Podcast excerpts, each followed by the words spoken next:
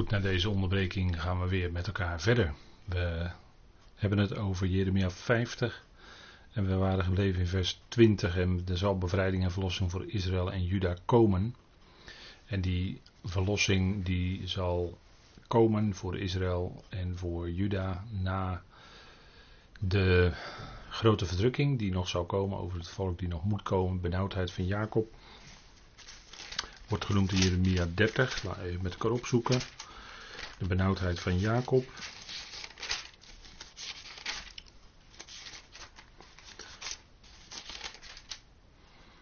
Er staat in vers 7 dat, en dan gaat het om de komst van de dag van Yahweh. Er staat er in vers 7 wee, want die dag is groot.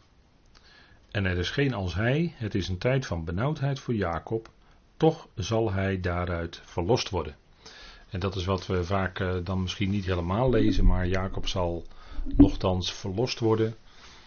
Ook al is het een tijd van benauwdheid, maar het zal verlost worden. De Heer zal zijn voeten gaan zetten op de Olijfberg enzovoort, naar Zacharia. Die verlossing zal komen, wat zullen ze dan vreugde hebben in die duizend jaar die dan daarop volgt. Het zal een geweldige tijd zijn. De shalom zal dan daar zijn. Hè. Dat is niet alleen vrede, maar dat is welzijn, welvaart. En dan zal hij, de Messias, zal waken over hen met een ijzeren roede. En uh, dat is ook een belofte die gegeven wordt aan de overwinnaars. Uh, en dat lezen we ook in Openbaring 12 bij de mannelijke zoon. Die mannelijke zoon, dat daar zijn we van overtuigd dat de 144.000 is. En er staat in vers 5 van openbaring 12. En zij, dat is die vrouw die daar dan te zien is. Dat is uh, onmiskenbaar Israël. Zij baden een zoon, een mannelijke. Dat alle natieën zal hoeden met een ijzeren staf. En haar kind werd weggerukt naar God en zijn troon. Dat staat er in vers 5. Hè? En het punt is dat erbij staat, wat is de functie van die mannelijke zoon? Dat het alle heidevolken zal hoeden met een ijzeren staf. Dat duidt op regering. En welk volk is er aangewezen als regering? Dat is het volk van Israël. Dat heeft de regeringsfunctie in de komende duizend jaar, maar ook op de nieuwe aarde, ten opzichte van de volkeren. En we lezen ook dat uh, dat punt van die ijzeren staf, hè, dat uh, wordt ook genoemd bijvoorbeeld in Psalm 2, vers 9. En, ook in, en daar doelde ik ook op in Openbaring 2, vers 27. Laten we het even met elkaar opslaan ook. Openbaring 2, vers 27. En er staat: Wie overwint, vers 26. En wie mijn werken tot het einde toe in acht neemt, hem zal ik macht geven over de heidevolken, over de natie. En hij zal een hoede met een ijzeren staf. Ze zullen als kruiken van een pottenbakker verbrijzeld worden, zoals ook ik die van mijn vader heb ontvangen. Nou, dat zegt dan de Heer via die boodschapper tegen die gemeente daar. En dat zijn de zeven Joden-Christengemeentes in de tijd van, uh, ja, zeg maar de 70ste week van Daniel. En de overwinnaars worden daar dus aangezegd dat zij zullen meeregeren met Christus. Hè? Hij zal een hoeden met een ijzeren staf. En er staat ook, ik zal een volmacht geven, vers 26, over de heidevolkeren. Dus dat wordt aan die overwinnaars uit Israël beloofd. En in openbaring 12 lezen we dat dus ook van die mannelijke zoon, dat die zal de natieën zal hoeden met een ijzeren staf. En Israël als volk is natuurlijk aangewezen om een koninklijk priesterschap te zijn in de komende duizend jaar. koninklijk wil zeggen regering. En ze zal dat dan doen door middel van een ijzer. En zo zal de Messias zelf zal de shalom bewaren over zijn volk met een ijzeren staf.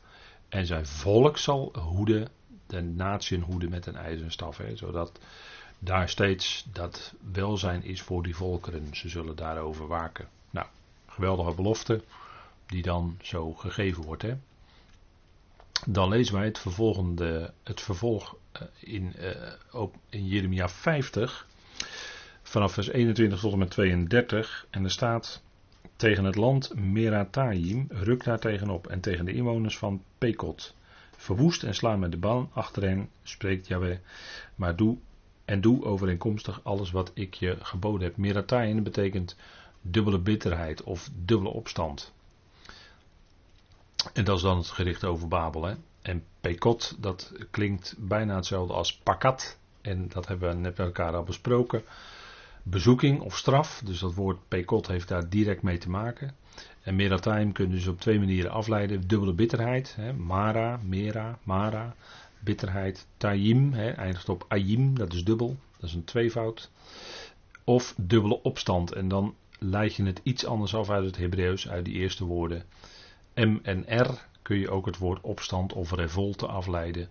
En dan kom je ook uit bij de naam Nimrod. Daar hoor je ook die M en die R. En dan heeft het te maken met revolte of opstand. Nou, dat is in Babel ook zo. Hè, verbitterd. En er staat ook dat die vrouw verbitterd is als zij uh, drinkt. Hè, de, het furieuze, het verbitterde van haar gedrag. Dat, uh, dat lezen wij duidelijk ook in openbaring.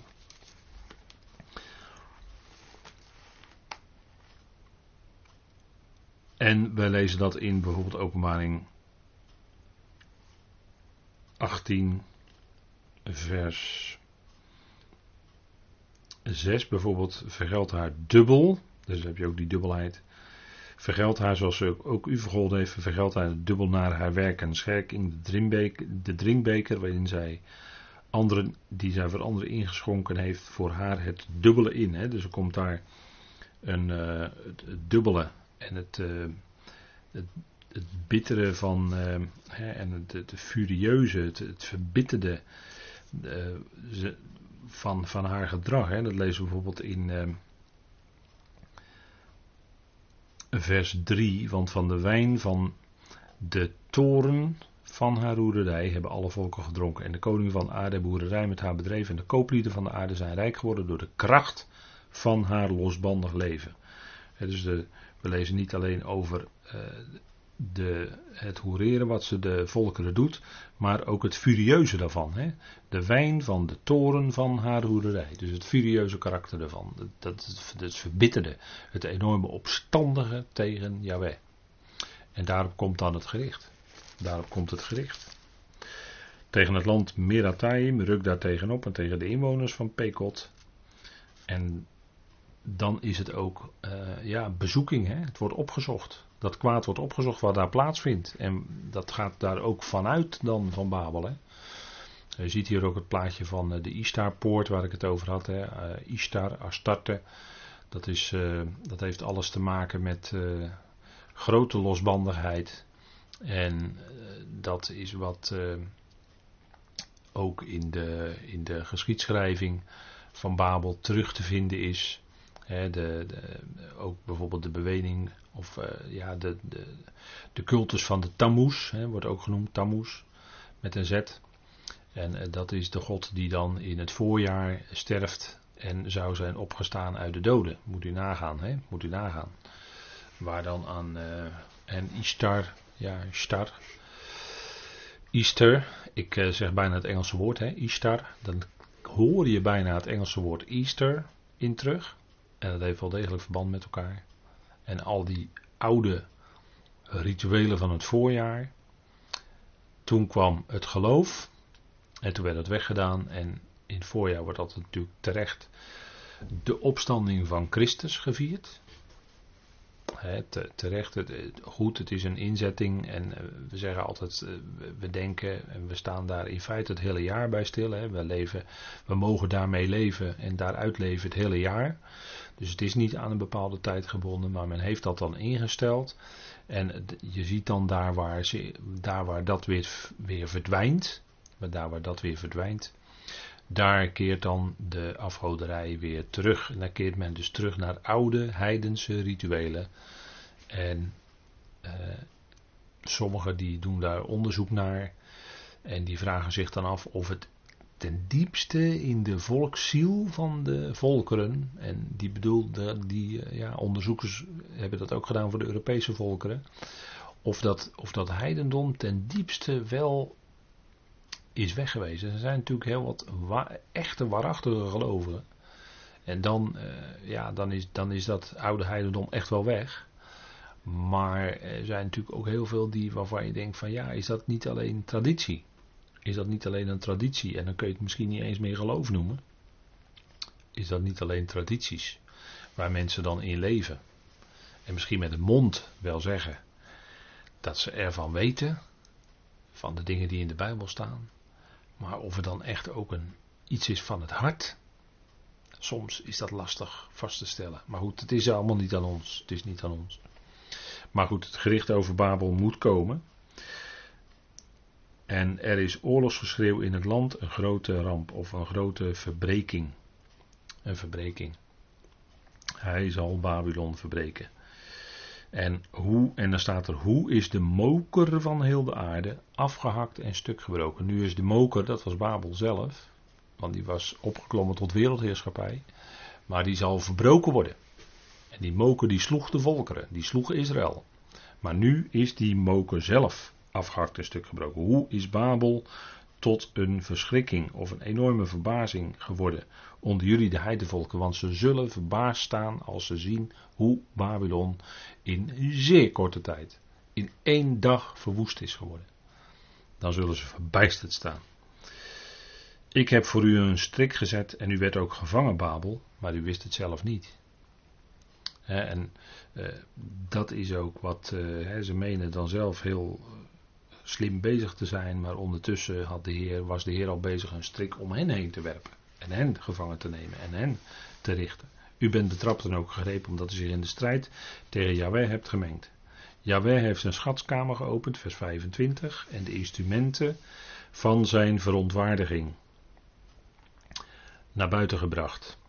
Want dit is een werk van Adonai Yahweh, van de Heere Heere van de legermachten. Adonai, he, Yahweh Zebaot, de Heer van de legermachten, in het land van de Galdeën. En het punt is dat hij ook heeft gezegd dat hij dat zelf zal doen. En hier wordt ook gezegd, want dit is een werk van de Heere, Yahweh van de legermachten.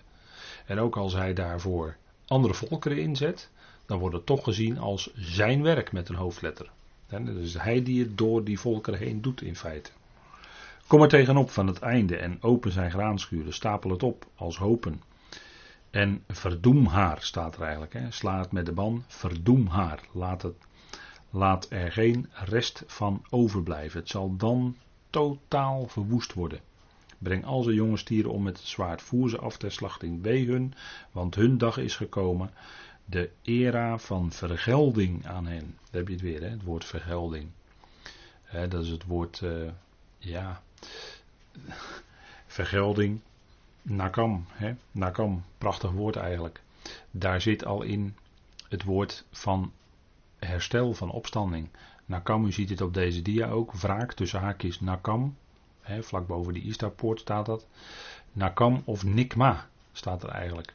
En dat, dat, dat, heeft, dat heeft dat herstel in zich, dat is heel mooi hè. Kijk, en dat is ook wat de Heer in ons leven als gelovig kan doen. Niet dat Hij ons straft, maar het kan wel zijn dat hij iets opzoekt in ons leven en dat wegdoet. En dat is het snoeien wat hij doet. En dat kunnen takjes zijn, om maar even in dat beeld te blijven, wat die hem in de weg zitten, zodat er die vrucht van de geest zichtbaar gaat worden. En het kan zijn dat hij snoeit. En dat je dan ouw zegt. Maar later zul je ontdekken dat het niet was om jou pijn te doen, maar dat het was opdat die vrucht. En ja, Pinksten, de geest, ach ja. Die geest die heeft in ons woning gemaakt. Wij hebben niet een aparte ervaring buiten het tot geloof komen om, hè, zoals dat in de Pinksterbeweging wel gemaakt is. De uitstorting van de geest. Of het, dan zegt men, ja, je bent wel een gelovige, maar. heb ik in mijn leven meegemaakt dat tegen me gezegd werd. Toen was ik nog niet zo lang gelovig. Maar je moet ook nog gedoopt worden in de geest. En niet veel later kwam ik erachter dat ik inmiddels al in de geest gedoopt was. En dat het niet een aparte ervaring was, buiten het tot geloof komen om. Wat overigens een werk van de geest is in ons en wat misschien heel stilletjes en bijna voor jezelf ongemerkt plaatsvindt. En even later, van binnenuit merk je dat er iets veranderd is. En is werk van de geest. Dan ben je verzegeld met de geest. Dan ben je gedoopt in de geest naar binnen dat ene lichaam. En dat is geen spectaculair iets waarbij je iets voelt. Als was het een elektrische stroom of wat dan ook. Wel nee. Nee, die geest heeft dan in jouw woning gemaakt. En het is de bedoeling dat de Heer, of de Heer gaat dan in ons leven aan het werk. En dan werkt Hij door met zijn woord. En die woorden zorgen ervoor dat takjes die, hè, of, of, stekels die misschien in de weg zaten, hè, dat de Heer zo'n doorntje, zo'n stekeligheid moet eh, wegknippen. Dat kan hè. En dat is opdat die vrucht van de geest nog meer door ons heen naar buiten komt. En nog meer vrucht is die Hij zet in ons leven, die God zet in ons leven. Kun je zelf helemaal niet bewerken natuurlijk. Maar daarvoor kan Hij dat opzoeken. Dan, dan hebben we ook een, weer even een uh, betekenis van het woord pakat. Hè? Dat kan hij ook in ons leven doen. Hij zoekt die dorens op die er nog zitten. En die neemt hij weg dat, dat waarmee jij anderen prikt of prikkelt of wat dan ook. Het kan best zijn dat de Heer op een gegeven moment zegt: Nu is het genoeg, nu knip ik het weg uit jouw leven. En dat kan hij op een wonderlijke manier doen. En ja, zo werkt de Heer door in, in ieders uh, geloofsleven. En dat, dat duurt een, uh, heel even lang. En voor sommigen is dat misschien maar 1, 2 jaar tot aan de bazijn. En voor de anderen is dat uh, eh, 60 jaar tot aan de bazijn. Of dat je komt te overlijden, maar dan voor jouw ervaring zul je dan direct daarna de bazuin horen hè, als je overleden bent. Hè, dat is voor jouw ervaring één of twee seconden en dan klinkt de bazuin. En dan lijkt het net alsof op het moment dat jij overleed dat ook de bazuin klonk. Hè. Zo zou je dat een beetje kunnen ervaren, lijkt mij. Dus dat is voor ieder, is dat moment daar dan ineens aanwezig. En tot die tijd werkt de Heer in ons leven door en, en, en snoeit Hij, hè, niet als een straf. Nou, dat is wat, uh, wat hier ook uh, beschreven wordt. Hè? Dat uh, ja, die vergelding, dat nakam, dat is altijd tot herstel. En zo zoals de Heer bezig is als de snoeier in ons leven, of moet ik zeggen als de grote pottenbakker in ons leven, dan is dat tot verdere vrucht, tot meer lijken naar het beeld van de zoon, hè, meer gaan lijken op de zoon. Laat u horen tegen Babelschutters, allen die de boog spannen, heb je ze weer, hè, de boogschutters. En misschien die pijlen, die pijlen, naar nu overgezet, zou misschien raketten kunnen zijn die ze afschieten op Babel. Omdat het waarschijnlijk, het zou best kunnen zijn dat het militair een bewaakte stad is. En om die stad te vernietigen, dat daar, daarvoor de raketten afgeschoten moeten worden. Zou zomaar kunnen. Allen die de boog spannen, belegeren het aan alle kanten rondom. Laat niemand ervan ontkomen, vergeld het naar haar werk of haar daad. Doe haar aan, overeenkomstig alles wat zij zelf gedaan heeft. Dat lazen we ook daarnet al, hè? Dat haar aangedaan wordt wat zij andere volkeren heeft aangedaan. Want het heeft overmoedig gehandeld tegen de Heer. Overmoedig, ja, het woord, we kennen het woord arrogant natuurlijk wel. Overmoedig gehandeld tegen Yahweh. Iets van, er zit iets van onbeschaamdheid in, om dat te durven. Ze hebben gehandeld tegen Yahweh, tegen de heilige van Israël. de gruwelen, de afgoderij in Babel, daar wordt Babel mee vereenzelvigd. Ja, dat is natuurlijk een gruwel voor de heilige van Israël. Het is een heilige God die de dingen in eenheid wil. En er is maar één God die geen andere afgoden duldt. En dat zal Babel dan ook gaan merken. Dat hij dat niet duldt. En dat is wat natuurlijk gaat, uh, allemaal zich gaat afspelen. En er staat er daarom zullen haar uitgelezenen Daarom zullen haar uitgelezenen op haar pleinen en al haar strijders mannen zijn die op die dag verdelgd worden, zegt Jaweh. Ja, er zal inderdaad velen zullen daardoor omkomen. En zie, ik zal u, arrogante of ootmoedige, spreekt Adonai, Jaweh van de legermachten, want uw dag is gekomen. De tijd dat ik u zal opzoeken. Staat weer dat woord pakat hè, in het Hebreeuws. Pakat. Dan zal de overmoedige struikelen en vallen. En er is niemand die haar opricht. Ja, ik zal een vuur aansteken in zijn steden dat alles om hen heen verteert. En zo zal het zijn. Hè. zal door, daar zal ook vuur aan te pas komen. Dat is ook wat we in openbaring 18 lezen. Dat er vuur aan te pas komt. En dan lezen we over het zwaard tegen Babel. dat is uh, alweer een aantal versen verder. zo zegt de Jaweh van de legermachten, vers 33. De Israëlieten zijn onderdrukt geweest.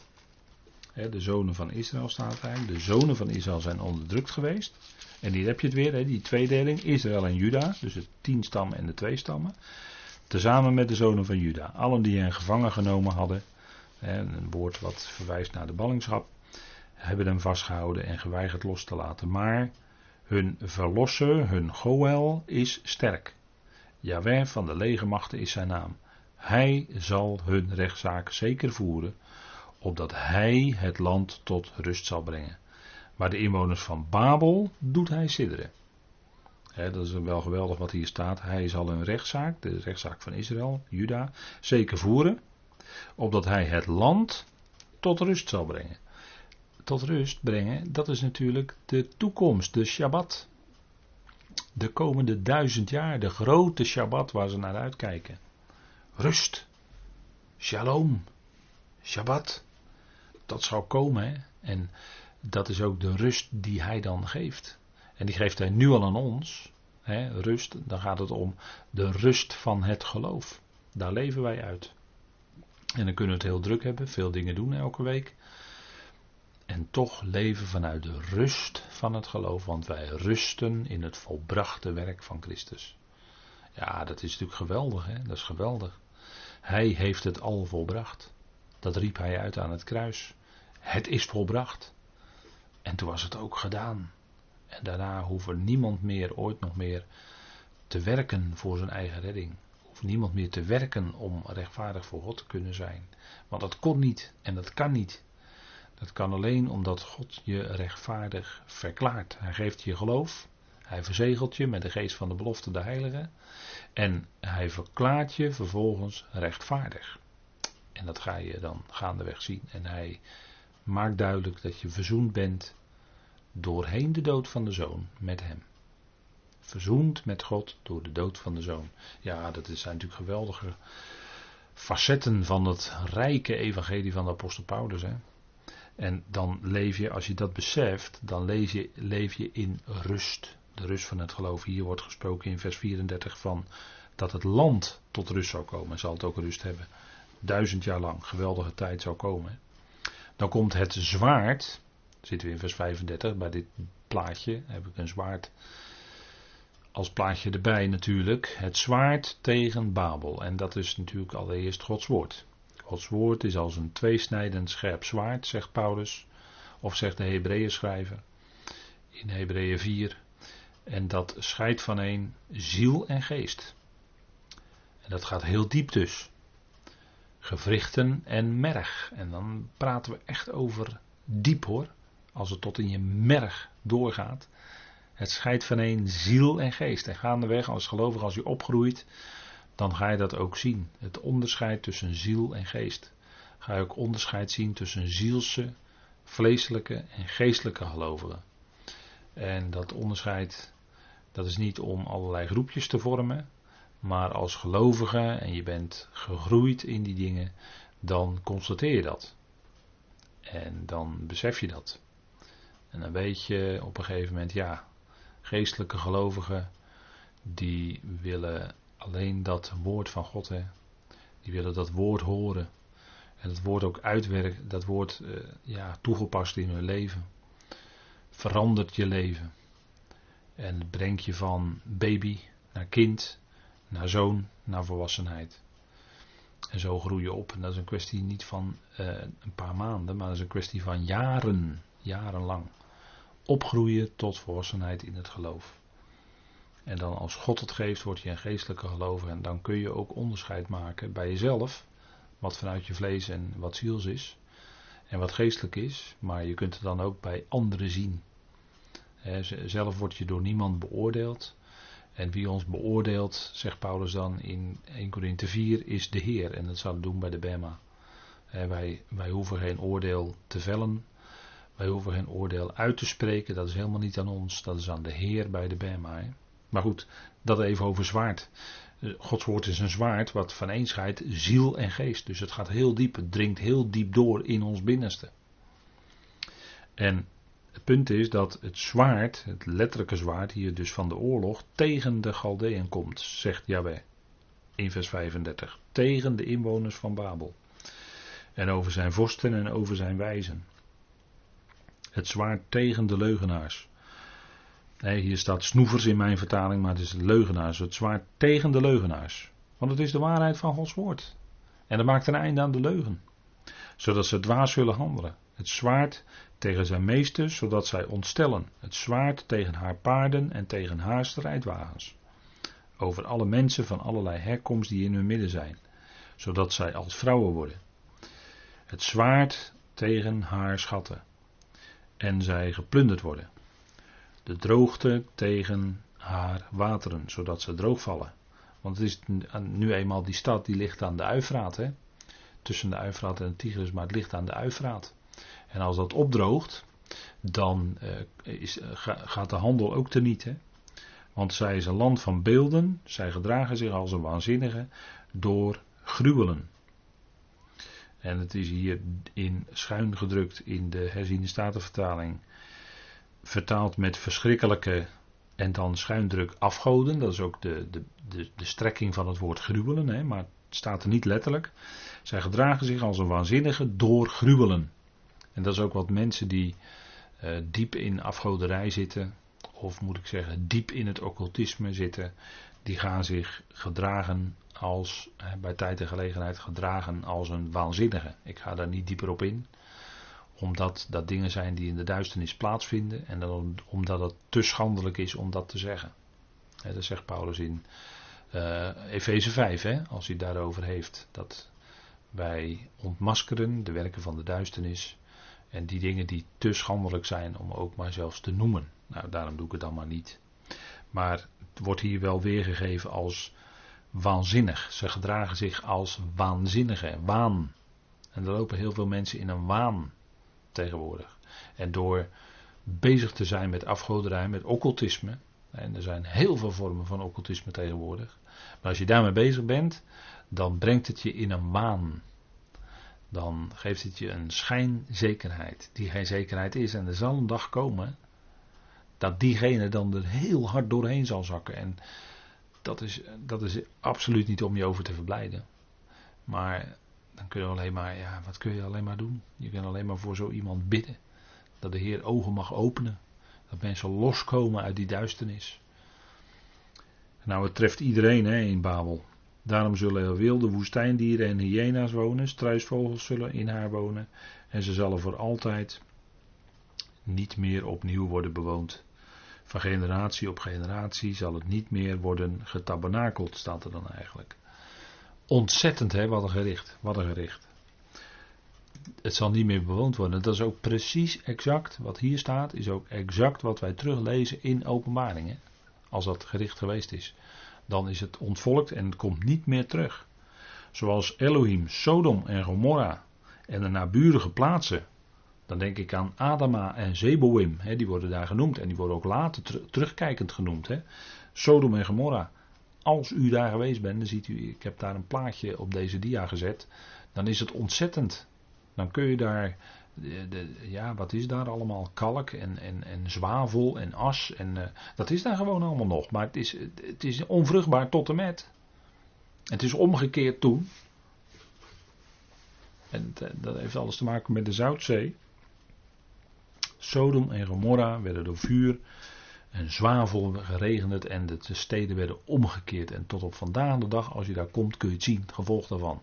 Ontvolking, gericht, onvruchtbaarheid. Er woont niemand meer. Spreekt Yahweh. En natuurlijk zo zal niemand daar wonen en geen mensenzoon in haar verblijven.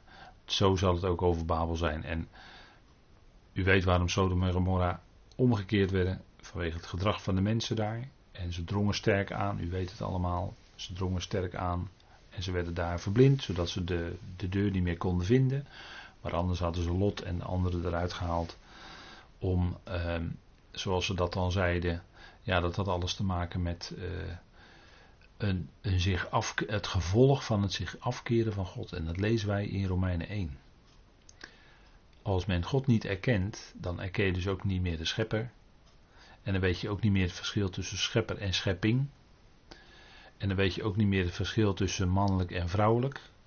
En dan gaan al die soorten van onderscheid gaan dan wegvallen, gaan dan wegvagen. En dan, als ik dat zo vertel, dan, dan hoort u denk ik in wat voor tijd wij leven. Waarin al die verschillen die er gewoon natuurlijk zijn. Hè, Paulus zegt bij gelegenheid: leert de natuur jullie zelf niet. In 1 Korinthe 11. En daar gaat het over man en vrouw. En we hebben het nu over man en vrouw, mannelijk, vrouwelijk. En dat onderscheid dat dan wegvalt. Dan erkent men niet meer de schepper. En de schepper is altijd van origine mannelijk en de schepping is vrouwelijk. En die lijnen, ja, als je die loslaat, als je God loslaat, dan laat je dus ook die lijnen los. En dan gaat het allemaal vervagen en dan kom je uit bij waar Romeinen 1 van spreekt. Dat men de natuurlijke omgang heeft vervangen door de tegennatuurlijke. En dat geldt zowel dan voor mannen als voor vrouwen. En dat is de reden, en dat kwam dan tot een, wat moet ik zeggen, een hoogtepunt of een dieptepunt in Sodom en Gomorra. En dat is de reden waarom God die steden heeft omgekeerd. En dat was daar zo erg dat, uh, ja, we weten niet wat allemaal tegenwoordig in de maatschappij, in, onder mensen en, en noem alles maar op gebeurt, in, wereldwijd. En ik denk vaak dat is maar goed ook, dat we dat niet weten. Maar dat gericht, hè, Genesis 19, het gericht over Sodom en Gomorra, is eigenlijk een modelgericht, zou je kunnen zeggen. Zoals dat later ook komt. Als een gericht komt, dan zie je altijd weer trekken van dat gericht van Sodom en Gomorra. Dan zie je daar weer contouren van, trekken van. En dat is dus een modelgericht. Hè. Het staat in het begin Genesis. En dan moet je opletten, alles wat in Genesis gebeurt, dat is tekenend voor wat daarna ook gebeurt. Daar, daar kun je heel veel van leren. Ik noemde net al eerder vanavond Kain en Abel in feite, door onderscheid te maken tussen religie en geloof. Kain is religie en Abel is geloof. En daar is een heel groot verschil tussen. Dat staat in Genesis op de eerste bladzijde van de Bijbel. Daar kun je zoveel van leren. Ook de tegenwerker, de slang in de hof, hoe die bezig was met dat woord van God. En dus op vandaag de dag er is nog niks veranderd. Het gaat nog op precies dezelfde manier. Is het ook dat God gezegd heeft? Twijfel zaaien aan in zaken de waarheid. We hebben het vanavond ook over waarheid nadrukkelijk. En licht dus. De waarheid van Gods woord. Daar, daar kun je al in Genesis 3 al van leren hoor. Hoe dat gaat. Met de, slang die dan de, de vrouw misleidt. en en eh, de, de, aan het twijfelen brengt. Twijfel is echt geen kwestie van diep geloof, diep geloof hoor. Nee, dat is iets anders. De schrift is daar duidelijk over, denk ik. Maar Sodom en Gomorra, dat had ook alles. Ja, ik praat er wat langer over, want Sodom en Gomorra heeft alles te maken met ongeloof. Ongeloof in de schepper. Ongeloof in hoe die zaken zitten vanuit de oorspronkelijke schepping. En dan, uh, ja, dan eindigen we aan het eind van deze studie. En dan heeft u al heel wat gehoord. En dan praten we toch over hele ernstige dingen die grote consequenties hebben. En het gericht van God, dat kwam over Sodom en Gomorra. En daar, toen regende daar en dat ging in één nacht. En Lot moest eruit trekken. En zijn vrouw keek achterom en werd tot een monument van zout. Maar Lot ontkwam. Want Lot was niet te min, hoewel hij midden en zelfs in de poorten zat, dus zelfs aan het bestuur deelnam, nochtans zei God tegen ga eruit, ga eruit. En hij ging eruit, hij ontkwam op tijd. Lot was niet te min een gelovige. En hij kon ontkomen. En dat is wat, eh, wat ook met de gerichten gebeurt. De gelovigen kunnen bij gelegenheid ontkomen. En het gericht komt. Maar dat is om te zuiveren. Hè? Geen mensenzoon zal in haar verblijven. En zie, er komt een volk uit het noorden, een grote natie, en talrijke koningen worden opgewekt vanuit de uithoeken van de aarde, staat er. Boog en werpspies hanteren zij, meedogenloos zijn zij. Zij zullen geen medelijden hebben, hun stem bruist als de zee, op paarden rijden zij, als mannen voor de strijd opgesteld, tegen u, dochter van Babel. Dat is het, hè? dan komt het gericht. En zij zullen, en er staat ook, zij zullen geen, op dat moment is er geen mededogen meer, is er geen medelijden meer, dan is, er, dan is er geen houden meer aan. En dat zal ook zo zijn in de eindtijd, als het gericht over Babylon komt, dan is er geen houden meer aan. En dan zal het helemaal verwoest worden, totaal verwoest worden, definitief. Toen de koning van Babel het bericht over hen hoorde, vers 43, werden zijn handen slap. Er staat verloren hij de moed, maar eigenlijk staat er, werden zijn handen slap. Hij werd zo verschrikt dat de kracht uit hem wegvloeide. Benauwdheid greep hem aan, smart als van een barende. Zie, zoals een leeuw zal hij opkomen uit de trots van de Jordaan tegen de sterke woonplaats, want in een ogenblik zal ik hem uit haar doen wegsnellen. En wie uitgekozen is, zal ik erover aanstellen. Want wie is mij gelijk en wie zou mij dagvaarden? En wie is de herder die voor mijn aangezicht zou staan? En dat is natuurlijk, ja, het is enorm wat daar, uh, wat daar gaat gebeuren. Hè. En als een leeuw zal die opkomen en ineens zal zijn einde ook daar zijn. En dan staat het daarom hoor het raadsbesluit van Jahweh dat hij tegen Babel opgenomen heeft. En zijn plannen die hij bedacht heeft tegen het land van de Galdeeën, voorwaar de geringste van de kudde zullen hen wegslepen, voorwaar men zal de woonplaats boven hen verwoesten. Van het gerucht dat Babel veroverd is, beeft de aarde. En geschreeuw wordt gehoord onder de volkeren. Het zal ontzettend zijn. Geschreeuw onder de volkeren. Men zal ontzet zijn, verschrikt zijn. Dat is ook precies wat in openbaring staat hè, bij het gericht van Babel, definitieve gericht. Het zal ontvolkt worden. En uh, Sodom en Gomorra, uh, zelfs Israël werd genoemd het volk van uh, Sodom, hè, Jezaja 1. Ik heb daar naar verwezen. En zelfs Israël, omdat ze geestelijk gezien zoveel afgoderij bedreven, werden ze vergeleken met Sodom. En natuurlijk, afgoderij is, wat Israël zeker betreft, overspel en hoererij. En dat is wat natuurlijk in Sodom, ja, Sodom en Gomorra is spreekwoordelijk. Hè?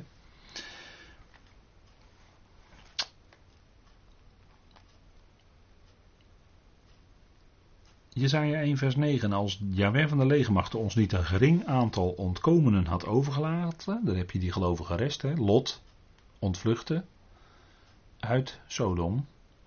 En hij staat model voor iedere gelovige rest die op tijd kan vluchten.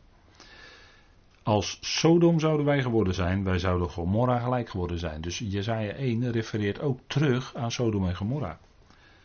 En dan komt de ernstige aanklacht via Jezaja het woord van Yahweh, leiders van Sodom, vers 10, neem de Torah van onze God ter oren, volk van Gomorra. Zo wordt Israël aangesproken als geheel. Even afgezien van die gelovige rest van vers 9. En dan vindt de Heer helemaal geen vreugde in die offers. Hè? Dan zegt hij in vers 11: Waartoe dienen mij uw vele offers? Zegt Jaweh. Ik heb genoeg van de brandoffers van rammen en van het vetgemeste vee. En in het bloed van jonge stieren, lammeren of bokken vind ik geen vreugde. Nee, want men bracht dat niet meer met het hart erbij. Dit volk eert mij wel met de lippen, wordt dan tegen Israël gezegd, maar hun hart is ver van mij. En dan zegt Jaweh met groot verdriet. En, en ze, he, ze worden aangesproken zelfs als leiders van Sodom en volk van Gomorra. Moet u nagaan. Moet u nagaan. Nou, heel ernstig, maar het gericht komt daarover. En uiteindelijk is er toch weer hoop, want we hebben het dan over die gelovige rest. Ook was er een lot die uit Sodom gered werd.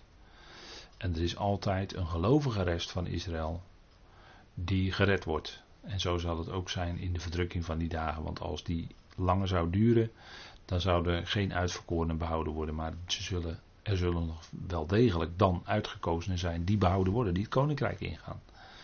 En natuurlijk, uiteindelijk is dat een deel wat staat voor de rest. Hè, dat is ook een, eh, een deel wat zegt, ja, maar die rest zal toch ook gered worden. Er is een gelovige rest, en dat is een, een, een klein deeltje van het geheel, van het hele volk. Maar die gelovige rest, daarin zit al opgesloten dat ook dat hele volk uiteindelijk gered zal worden. En dat is natuurlijk dan echt aan het eind van de eonen, via de grote witte troon. En dan zal uiteindelijk heel Israël inderdaad toch, zal het dan zo zijn, heel Israël zal dan gered zijn. En dat is natuurlijk toekomstmuziek. Toekomstmuziek voor de hele schepping. Het is hoop, het is verwachting. En het profetische woord biedt ons dat. Hoe ernstig het ook klinkt en hoe zwaar die gerichten ook zullen zijn over die afgoderij. Want daar gaat het om. En, en dat zal in de eindtijd tot een culminering komen. Het boze, we leven nu al in de boze dag. Maar die, het boze zal tot een culminering komen. En dan moet het gericht ook komen. En dat zal ook komen. Goed, zullen we daar de Heer voor danken. Vader, we danken u dat we zo ook weer een studiemoment hadden met elkaar. Om te kijken naar het boek Openbaring. En dan bijzonder de profeet Jeremia over Babel. Waarop het gericht moet komen. En we hebben ook gezien waarom dat is, waarom dat gericht moet komen. Vader, we danken u dat u ons dat geeft in uw woord, die helderheid verschaft. En dat met dat woord ook licht en waarheid in ons leven klinkt en komt. En daarop kunnen we staan en bouwen en vertrouwen. Het is zo waar wat u zegt, het is betrouwbaar, het is zeker. U heeft ons lief. En niets kan ons scheiden van uw liefde die is in Christus Jezus. Vader, we danken u dat we naar u mogen opzien. We danken u voor dat rijke woord van u. We danken u dat we dat in alle delen met elkaar mogen lezen. We danken u, wat in het bijzonder het woord is voor deze tijd. Het evangelie zoals Paulus dat mag verkondigen. Het gaat niet om de persoon Paulus, die willen we niet op een voetstuk, maar het is de apostel die u riep als om apostel te zijn voor de volkeren. En daar mogen we naar luisteren, vader. We danken u daarvoor. We danken u voor uw trouw, goedheid, liefde en zegeningen. We danken u dat we ons zelf bij u mogen aanbevelen. Wees ons genadig nabij, ook in de komende dagen. En dank u wel dat we naar u mogen opzien, dat u onze redder bent. En dat u alle dingen vast in uw hand heeft, Vader. Wij danken u wel over en we prijzen u daarvoor in die machtige naam van uw geliefde Zoon, onze Heere Christus Jezus. Amen.